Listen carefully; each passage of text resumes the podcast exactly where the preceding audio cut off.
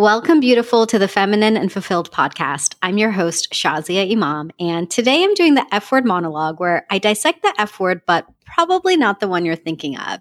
And today's F word is fireworks. Okay. Oh my gosh. Are you thinking it's about 4th of July here in the US? Uh, no, I don't really care about that.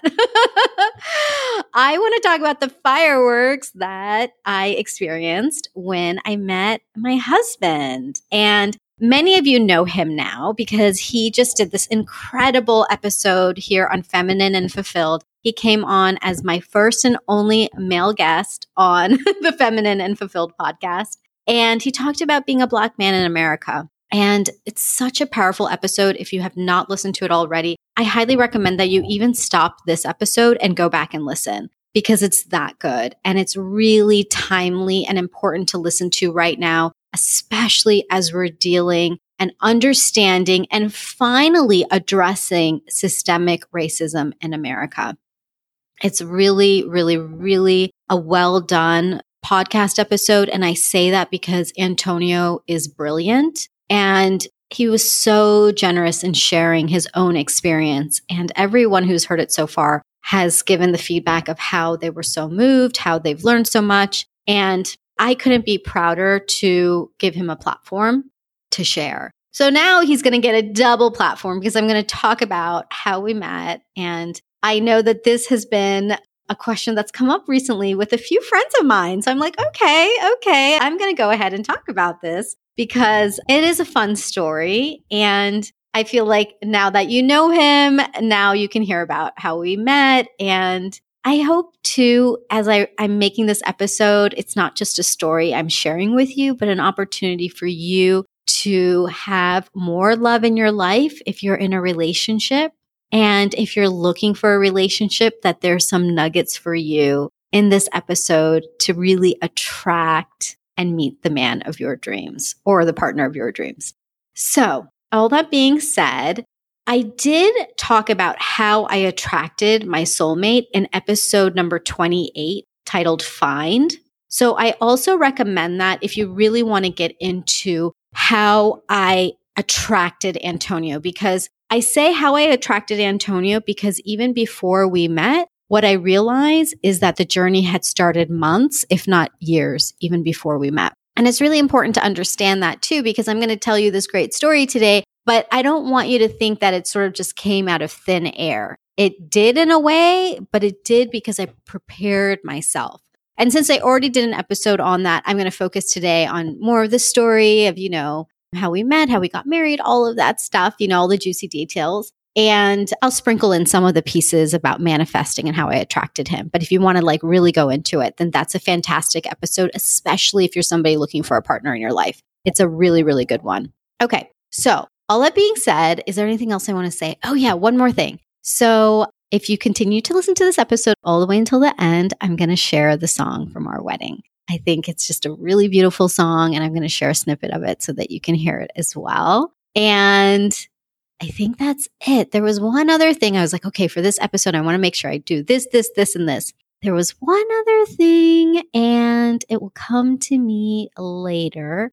Oh, I already know. I'm going to share it with you right now. If you would like to see the vision board that I created that did attract Antonio and a lot of other great things in my life, I had done a virtual vision board on Pinterest and I'm more than happy to share the board with you so that you can see it. And you can grab that at thelifeengineer.com slash board, B O A R D, as in vision board. So if you want that, that's my free gift to you. You can take a look and get inspired. And then I hope you're going to make one too and find all of those dreams. Okay, so let's dive right in. How did I meet? Okay, that's the first question. So, how did we meet? Well, I have to start with a little bit of the attraction piece because this piece is really important. And I, I want to share this with you because I think it'll really support you, whether you're looking for your partner or something else in your life. So it was Ramadan of 2015. So it was June 2015. It had been over a year since I had been divorced. And I had decided that I was going to come back to the market, quote unquote. That sounds so transactional, but come on, you know what I mean. So I was like, okay, I'm going to start looking. And part of me was really scared, to be honest, because there were so many stories I had heard from friends of mine who were single and stories I had heard from people who had heard from others. Just like all these horror stories about finding partners and how it's really hard. And I just was like, okay, I'm ready to like get back out on the market. But a part of me also felt like, am I even going to find somebody? Is this going to be really hard? And I was in this place of possibility. I'm always in a place of possibility. And the real human part of me kind of just felt like, but I'm scared. I'm scared of like investing the emotional toll and effort and then to be hurt. And so I was making this prayer in Ramadan and I was saying, Oh Allah, which means God. I was saying, Oh Allah, I know that you can send somebody from the sky. And I would say exactly this I know you can send somebody from the sky and so please send me somebody, send me the right person, send me the right person so that I don't have to go through heartache and my heart is really soft. And so I, I ask you to send me somebody who is the right man and you can send him from the sky. So I'm not going to subscribe, you know, what I was telling myself. So that was a prayer I was making. And what I was telling myself too is I'm not going to subscribe to thinking that it has to be hard or that there's nobody out there. And I just kept thinking it's just one person. It's just one person. Now, this was along with all of the manifesting that I had been doing, the manifestation work and the law of attraction. And, and really, to be honest, I mean, we can title it those things, but to be honest, I'd actually been doing work around my own worthiness. That was the key piece, believing that I could have things, believing I was worthy of having things. And this is a piece I, I really want you to hear right now is that if you find yourself not asking, if you find yourself not praying for the things that you want or not asking for the things that you want, then I invite you to think about why that is. Because oftentimes, if we don't ask, there's a worthiness conversation happening underneath. And the worthiness conversation really looks like, am I worthy of having someone? The words might be different. Like, am I good enough? Am I good enough?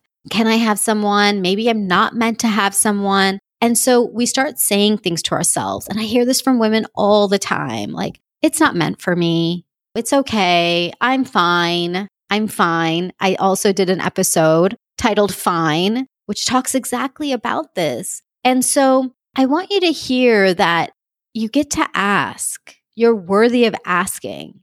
And when you ask, then you can receive. This piece is really important. If you are not ready to ask, then how can you receive? Because when things start coming your way, that worthiness conversation will stop you from accepting things, from receiving things, from being in it. And so I had been in this journey of really seeing my worth, seeing my self esteem, seeing who I am. And it was showing. It was exuding from me. I was having so many people telling me, Shazia, you look so beautiful. And I didn't change the way I looked. And in fact, I had started noticing that when I was going to events, I actually did start noticing that people were taking notice, including men, single men. And so around the same time, I was talking to a dear friend of mine, Yasmin Elhady, which many of you may know also as Yaz Guru. She's a comedian and she's a relationship expert. And she's also been on my podcast too. Her episode is great. So at the time, Yasmin was doing matchmaking. And I had told her, I said, okay, Yasmin, like, I think I'm ready to like really look at getting married. And she was so excited for me. And again, she's a really dear friend. So she was like, okay, I'm on it. And I was like, okay, you know, whatever. So I'm making this prayer. I'm going to events. And she one day calls me and she's like, hey, come over to my house for iftar. And I was like, sure. And if, you know, she had invited me for this iftar party, and iftar parties are the breaking fast parties in Ramadan. And so I remember distinctly like standing in her apartment at the time and it was just a mix of people. Like it was, I'll take you to the scene. It was a mix of people. It was some families, some single people. It was like a medley of people. And Yasmin always had events at her house and it was nothing out of the ordinary. But I was there that evening. Now, when it came time to break fast, I had decided to give everybody drinks, water, not drinks, not alcoholic drinks. We don't drink alcohol. But I had decided to, you know, pour water and put it in glasses. And then I took a serving tray and I started to serve the water. And I was giving to everyone. And this one man he was sitting on the couch and he's like, Oh, that looks heavy. You know, do you need help with that? And I was like, Oh, no, you know, thank you so much. I got it. And like, we kind of laughed and like, it was nice, you know? And so we enjoyed our iftar at the event. And then the next day, Yasmin calls me and she's like, Hey, did you meet Antonio? And I was like, Oh, yeah, yeah. You know, the guy, like, you know, who was there who was talking about moving to Dallas. And she's like, Yeah. She's like, Would you be interested in meeting him? And I was like, Yeah, sure, sure. And in my mind, I just thought, Okay, sure. Like, I haven't met anyone since I was literally like 22 years old. You know, I got married when I was 23. So I'm like, It's been a minute. And so I was like, Yeah, sure. And so she had already talked to him. And so he texts me and he's like, Hi, you know, I'd like to take you out. And I was like, Sure. And so he was very chivalrous and he asked me about my diet. Do I have any dietary restrictions? And then he picked a restaurant and we ended up going to this place called Shamshiri in Tyson's. And it's this, oh, it's one of my favorite places. It's an Iranian restaurant and they have the best koobideh kebab. So here I am getting ready and I'm kind of excited, but if I'm really honest with you, beautiful, I thought that this was going to be practice. I really did. And I know you know the end of the story, but I'm going to tell you all the juicy details. I really thought it was practice because here's the thing. When I was thinking about who I wanted to marry and I already knew the things I did want and did not want because I had been married previously. I had some things that I didn't want. I didn't want to move. I really liked my life in Virginia. I really, you know, I loved my home and my family and my friends. And so I didn't want to move. And I also, even more than that, I did not want to be a stepmother. And it was something that I like thought I knew about myself. And I had thought, like, you know, it's a lot of responsibility to take care of another child. And just honestly, I didn't think that I would be up to task for it. And so that was something that I didn't want. Like, I wanted a fresh start. I did. I wanted a fresh, clean slate, if I'm being totally transparent. So to me, I thought I was just practicing. And I mean, it sounds kind of bad that I'm saying it, but the truth is, when you haven't talked to a guy in like over a decade, I thought I really did need practice. And then I thought it would help for me to get more comfortable and then like meet the person who was going to be my husband. So I get to the restaurant and Antonio's there already. And, you know, we grab a table and we have a really nice dinner. He was very kind, very nice, very polite. And then he's like, you know, can I take you out for dessert after? And I was like, sure, you know, I'm game for a lot of things. I was like, okay. And so we went to Silver Diner, also in Tyson's, for those of you from the area, the DC area. And, you know, we had some dessert and talked, and it was nice. And here's the thing, you guys I'm telling you guys everything. I could tell he was into me. I could totally tell he was smitten. And I know that I do have a charismatic personality when I want it to be. I mean, I can be totally emo sometimes too, but I know that I can be charismatic. And so he was totally into me. And I honestly, I wasn't into him. so we, you know, said our goodbyes and then I called Yasmin and I was like, Yasmin, I am not into him. Like, he is too nice. And she was like, You're stupid and you're going to meet him again. And I was like, No, but come on. Like, there's nothing there. And she's like, No, my rule is that you meet somebody three times. And because she's the expert in matchmaking, I was like, Okay, fine. I will. And I'll say too, I'm always open. And this is another thing I want to really for you to hear when you're open, you allow for possibility in your life. And so I was open and I said, okay, sure, I'll meet with him again. But I didn't respond right away. He texted me the next day, by the way. He wanted to take me out again. And I was just kind of quiet. And then finally, a few days later, he's like, well, you know, if you're not interested, can you just tell me? And I was like, no, let's meet again. So, and you guys, I'm telling you the longer story in case you're thinking, like, oh my God, this story is so long. It is. I'm telling you the full version of how we met. so, we end up meeting again. The second time, he plans a miniature golf date. So we meet up at this miniature golf spot. And can I tell you the funniest thing? Yasmin dropped me off. Like, I literally felt like Yasmin was kind of my mom. Like, it was really funny. I had not told my parents at this time, by the way. I did not because I was like, I don't want to bring somebody that they don't even know. And truth be told, like I'm, you know, I was 35 and I was getting married again. Like it wasn't the same rules as when I was a 22 year old, just coming back first year out of college and living at my parents' house. So I get there and he is so against chivalrous. He buys the games for us. He gets the like the putters, the balls, and then he grabs the score sheet. And so I was like, Oh, are you trying to like actually compete? And he's like, Yeah, I'm really good at this. And then I was like, Oh, like if you know me, I am competitive. So I was like, Oh, well, okay, then I see how it is. I'm like, Well, then I'm going to bring my A game. And like we kind of laughed. I just like broke the ice and I found myself bringing out like my competitive side like the second time we met. That was like a no no in my framework at the time of how I thought, quote unquote, like a woman should be with a man. And I know this sounds really archaic, but I had built some beliefs based on my last marriage that I had to be a certain way. Not because my former husband expected that. It was just something I thought that to be a quote unquote good wife, like I had to be like meek and quiet and like just really nice. And that doesn't work. It doesn't work to not be you. And I had to really learn that. And I found myself just feeling really comfortable with him and thinking I'm just like going to meet him a second and third time and then it's going to be done. And so I was just free to be myself. And I found that by being myself, we just had the best time ever. Like he was cracking jokes. I was like making fun of him. And he was also in all of that so chivalrous. He would literally pick out the little ball, like when it would get into the miniature golf hole, he would pick it up for me. Is that not the sweetest thing? The sweetest. Oh my God. I was like, oh my God, like this is so nice. So we had a great time. And then afterwards, we just sat. It was near this park, and we sat at the park and we just talked for hours. And I found him to be so, so, so easy to talk to. And we both felt really connected. There was no doubt about it. And so that night he called me and he said, "Listen, I have something to share with you." And and he just shared something really intimate with me that was like private to him and you know, I'll continue to keep it private for him, but I want to share this piece with you because he shared something with me that he didn't have to.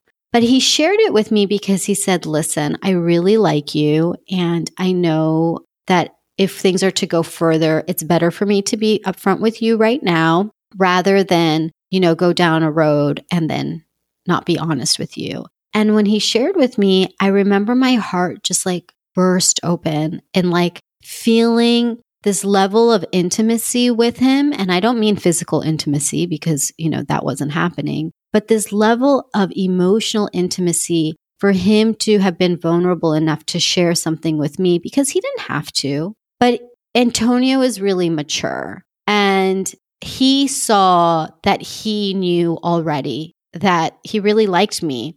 And this is what a lot of men will say. They know. They know when the woman is the woman. Like they decide very quickly. And that was the case for Antonio. And so I was like, you know, I still want to get to know you and I like you too. And something like just really bonded us in that moment because I accepted him. He was open with me and it was beautiful. Like that, I can remember that moment and how I really felt that my heart really opened. And I've never, I've never felt like that about anybody in my life. So after that, it was a whirlwind. It was a whirlwind romance. It was amazing. It was, oh my gosh, we went to like all the museums in DC and we would sit at the park and talk for hours. And he totally, I want to say wined and dined, but there was no wine. Again, we don't, there's no alcohol. So he just totally, he courted me. That's the word. He really courted me. And I think that's something that was, you know, much more common, at least in the US, maybe 50, 60, 70 years ago. But this idea of a man really courting a woman. And it was so amazing.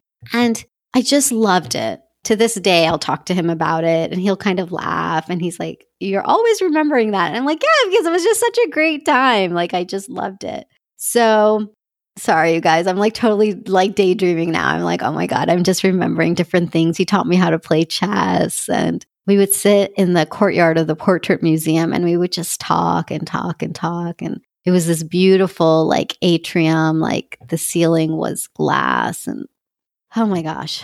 So romantic. Total and I'm not even a romantic, but I, I am secretly a romantic. I learned this after he courted me.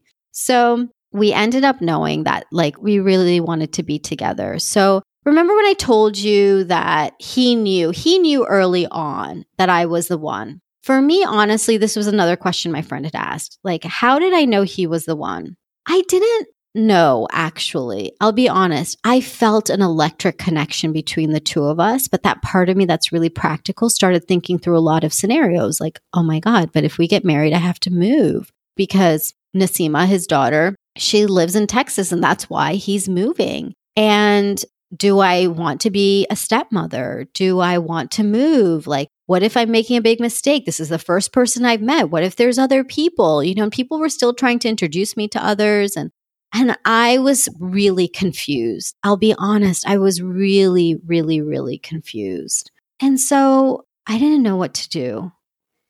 And I didn't want to make a mistake. Here's what's really hard when you're getting married the second time around, or maybe even the third or fourth. I mean, you know, people can have multiple marriages. What's hard the second time around is there's a sense of failure. And I felt like, what if I fail again? What if I fail again? And so I really worried that if I made a mistake, people would say, I told you so.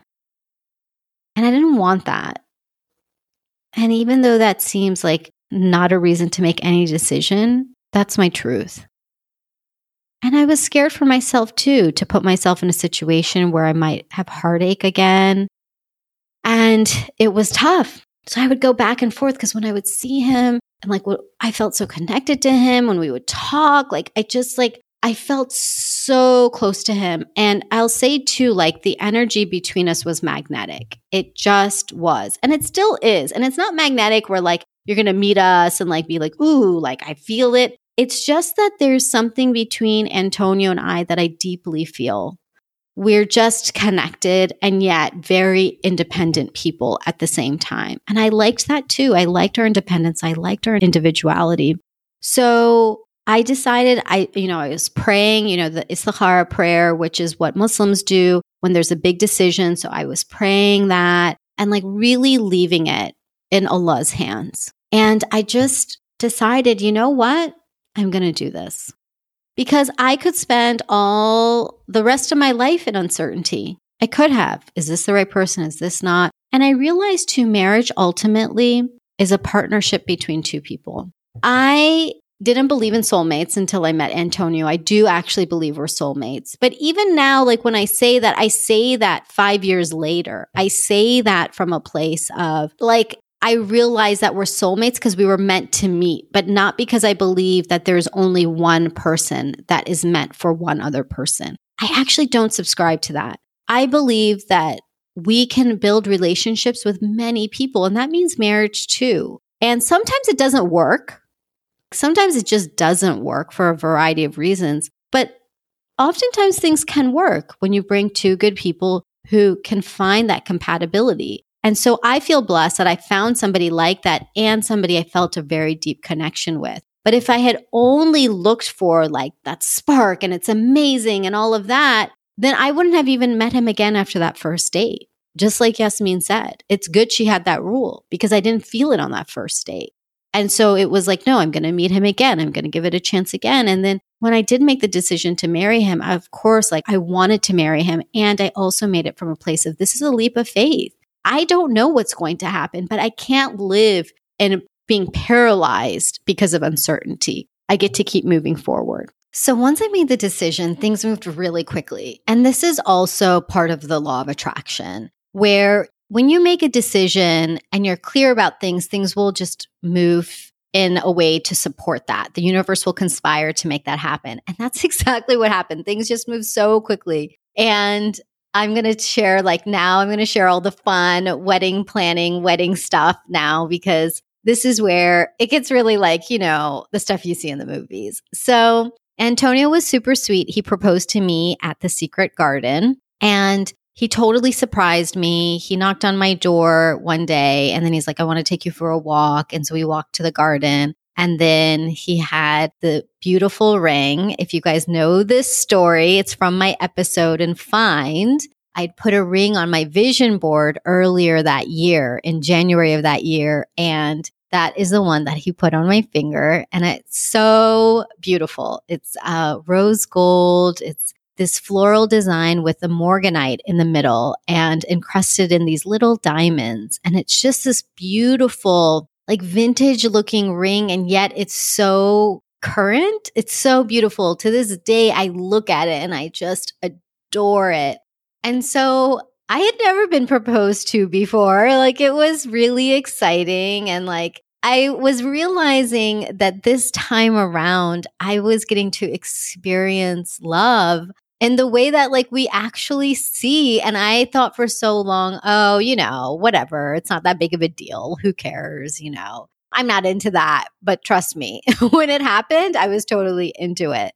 So we decided to do the wedding in an interesting way because we knew how we felt about each other. We knew that it was appropriate to have our religious ceremony sooner rather than later so that it was official. And then we were going to have our like fancy wedding later on down the road. So we basically planned for probably about a month later to have our religious ceremony. And then I thought that we would do a destination wedding six months later in the springtime and go to a beach. That had always been my dream to like get married on the beach. And so when it came to planning our religious ceremony, what I decided is I was like, let's just keep things super, super simple because we'll, you know, we'll do all the fancy things in the spring. And my cousin, Anila Baji, she was so instrumental. She was like, you know, I'll help you with all the planning. And she's amazing. She's like the best event planner of all time. So it was so phenomenal to have her there to really coordinate all the different pieces. And it was happening so quickly. And I wouldn't have trusted anyone more than her. So because we were doing this ceremony at our mosque, I wanted to invite the whole community. It was more important for me to be able to invite everybody than having to have some sort of exclusive event. And I know that I was trading in what I thought was something like really beautiful for something with the community. And that meant a lot to me. It was totally worth it. And again, I thought I would have like the fancy thing six months later so we invited everyone, hundreds of people, and we invited kids too, which was so sweet because normally it's a Mr. and Mrs. kind of thing. And I completely understand when you have a wedding and you're spending a lot of money and you have like limited capacity and you want to have an event a certain way, it makes sense. And I've had that wedding, right? Like I did that wedding before. And so this time I was like, well, I want people to be part of the ceremony. And that was really important to me. And so I went back to my secret garden and I made an intention. I sat there and I said, I want the room to feel love. And I just had this feeling of love. And I didn't want it just for them to feel our love, you know, that's nice, but I wanted people to feel love for themselves, the possibility of love in their life for anybody who was single in the room to feel love, that it was possible for them. And for the couples who were married to feel love again, a renewed sense of love. And there was just something that was so important to me about this feeling and that this was the intention that I set was for love. And besides that, I made a few decisions here and there with my cousin for things but otherwise, I was like, you know what? I want to keep this really simple. I want people to be able to come, to be a part of it. We did it on an afternoon, right after the afternoon prayer at the mosque. And then we had snacks afterwards. So it was just easy peasy lemon squeezy. Okay. And for me, that's a big deal because if I start event planning, I can just like get caught up in all the details and all the things and oh my gosh, all the pressure and it's got to be perfect. And I felt so relaxed. And so I had a beautiful outfit made from Pakistan. It was like a tea pink color. It was so beautiful. And if you want to see the pictures from my wedding, I'll have those at thelifeengineer.com slash wedding. So you can take a look at the pictures if you're interested. And I found these super cute shoes to go with my outfit. Oh my God. They looked like Valentinos, but they were at DSW, but they were gorgeous. Oh my gosh. They were look like the Valentinos that have the studs and like they're the pumps that have like the strap going up the middle and then the true straps on the side and then it's closed toe. I found it in like rose gold pink sequiny version. And I just loved them. I actually didn't even know about Valentino shoes then. I found out like when so many of my friends at the ceremony were like, oh my God, are those Valentinos? And I was like, oh, I don't know. And then I was like, oh, they look just like them. Like once I looked it up, but they were gorgeous. And so I remember that there were just a few things that I really wanted at my special day. And of course, the shoes were amazing. And I had my makeup done by one of my favorite makeup artists here in Virginia. Her name's Naveen. And I wanted my piano teacher to play piano for me to walk into. I did a whole procession. And so I had been taking piano lessons for a year with her, and she was so excited to do it. And so we figured out how to get a piano there. And that was amazing. And we did a whole procession. We had my little nieces. Oh my God, they were so cute as my flower girls, little bouquets made for them. And it was so stunning. Oh my God. They walked in to the song Canon in D, which had also been a song I've always loved. And then I walked in and my parents walked me down the aisle and it was just really sweet because I wanted both of them to be a part of it. And my brother was waiting at the end you know, kind of, he was the one who was ushering everybody in the procession to where they needed to go. And it was really cute. There was this one moment, like while we were walking down the aisle, where, you know, we, my parents and I parted, and you know, my mom, of course, kissed my head. You know, she always does. But then my dad was so sweet and he kissed my head too. And my dad has never, ever like done any physical touch. It's not like an Indian thing. He's always like, Beta, you know, we love you and we don't have to say it. We don't have to hug or anything. And it was just the sweetest. And it was awkward and sweet all at the same time. Like, it was just this beautiful moment. And so when I got to where Antonio was and Imam Magid, who is our favorite Imam. We had this just really simple, beautiful ceremony. And when I looked out at the crowd, like I'm imagining it now, I looked out at everybody who was there and it was like 350 people just there, seated, all the kids. It was quiet and it was so beautiful. It was so magical. And I felt, and I feel it now, this level of love that I cannot describe. And it was beautiful. And then Antonio was beaming. Oh my God, he was like the happiest man on earth. and I he better still be.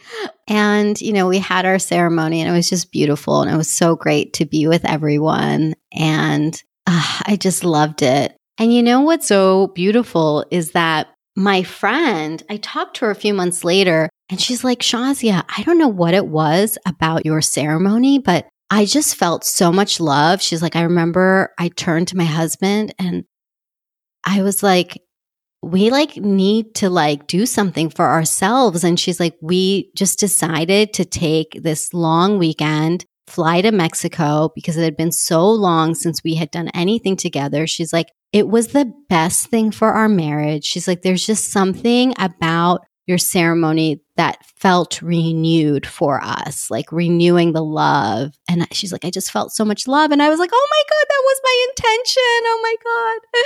And I'd heard this from several people how they just felt so much love that day. And of course, like that melts my heart. Cause at the end of the day, I'm not just here for like, I want to feel this way and like you guys get to witness it. I want you to feel it too. You know, I'm bringing you on this journey because I want you to believe that love is possible for you wherever you are in your journey.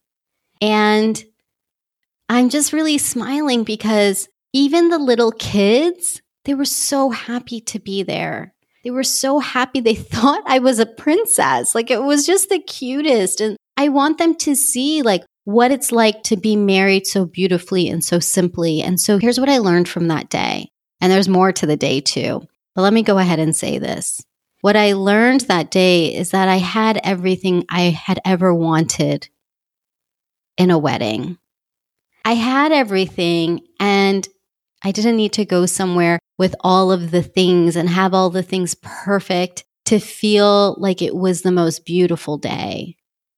Because again, I had that kind of wedding. I did. And it was a great wedding. My first wedding was nice. Like it was good.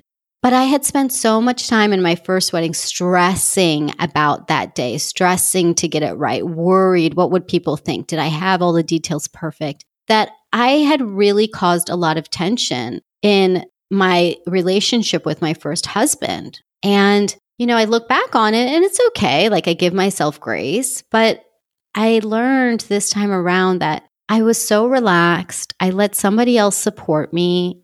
I set an intention for how, you know, I wanted us to feel.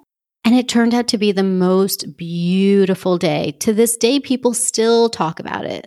They still do. And I'm telling you, like, I mean, I know the details I'm sharing make it sound like really dreamy, and it was because it was dreamy, but from like a wedding planning perspective, it was really, really, really, really basic. No decor, nothing, you know? So, what was really beautiful too is celebrating with the community. And then afterwards, what we did is we had family, of course, visiting from out of town, and then some of my very close friends. We had dinner planned for them. So there's a clubhouse in my neighborhood. And so we had rented that. Again, just really simple. And my cousin and then my friend Mariam, they decorated the place Oh my God. Like it was like out of a dream. It was just so beautiful. All the lights and the candles. And then it was late November. So it was around Christmas time. So the clubhouse also had the Christmas decorations up. So just like everything worked out perfectly where there were already hanging lights and beautiful decor. And then Anila Baji and Mariam just really made it so gorgeous. And so we just had like just a simple dinner we had an impromptu program. My friend Neve, she sang. If you've listened to her episode on here, she is a phenomenal artist. She has a number of albums that are out and she sang something for us. And um, my friends like came and spoke and family spoke. And it was just, it felt like, it just felt so intimate. So it was great because I was able to celebrate with the community and feel that level of intimacy. And then I was able to just have this time with my family and close friends that just felt like, oh my gosh, these are the people like all day I just spent time with people that I love. And the highlight, the absolute highlight of the evening was that we had a first dance. And that was like a dream come true for me because culturally and religiously, like you don't really do that. But I was like, whatever. And my mom, of course, was like, yeah, yeah, yeah, do it. You know, my mom's into all this stuff. And, you know, I had this one aunt and she was not into it. And then there was a little bit of stress around it. But I was like, you know what? This is a special day. And so we danced to At Last, which I will play at the end of this episode so you can enjoy. And at the end, Antonio dipped me, and it was just magical. I have this one photo that my friend Nazia took, and it just captures the moment, the moment I'm looking up at Antonio. He's looking down at me with his huge smile. He has like the biggest smile in the world. And I was looking up at him and I was just feeling so loved. I was feeling overwhelmed with love from him, from my family, from my friends, from the day, from the magic, from God, from Allah, like that. Oh my gosh, is this my life? And you see my mom kind of to the side, smiling really big, and my dad super content just like relaxed and really content. And it's just like this, it's like this photo just captures this moment of this magic in our life. I'm just going to cry because I could have never imagined, I could have never, ever, ever imagined that I would ever have something so beautiful in my life. I just couldn't. And as I stood there and I'm like, this is my life, this is my reality. even now, five years later, today is our fifth anniversary of going out to that first dinner I told you about at Shamshiry. It's our fifth anniversary of that. I'm still so grateful. And so, even though I didn't know, even though it wasn't clear, I trusted, I surrendered, I left it with God. I left it with the divine to say, here's what I want. And I know that you can make it happen. And that's what happened. So here's a little dedication for you because at last your love has come or is coming. Until next time, beautiful Lilas. Love you like a sister. Yeah.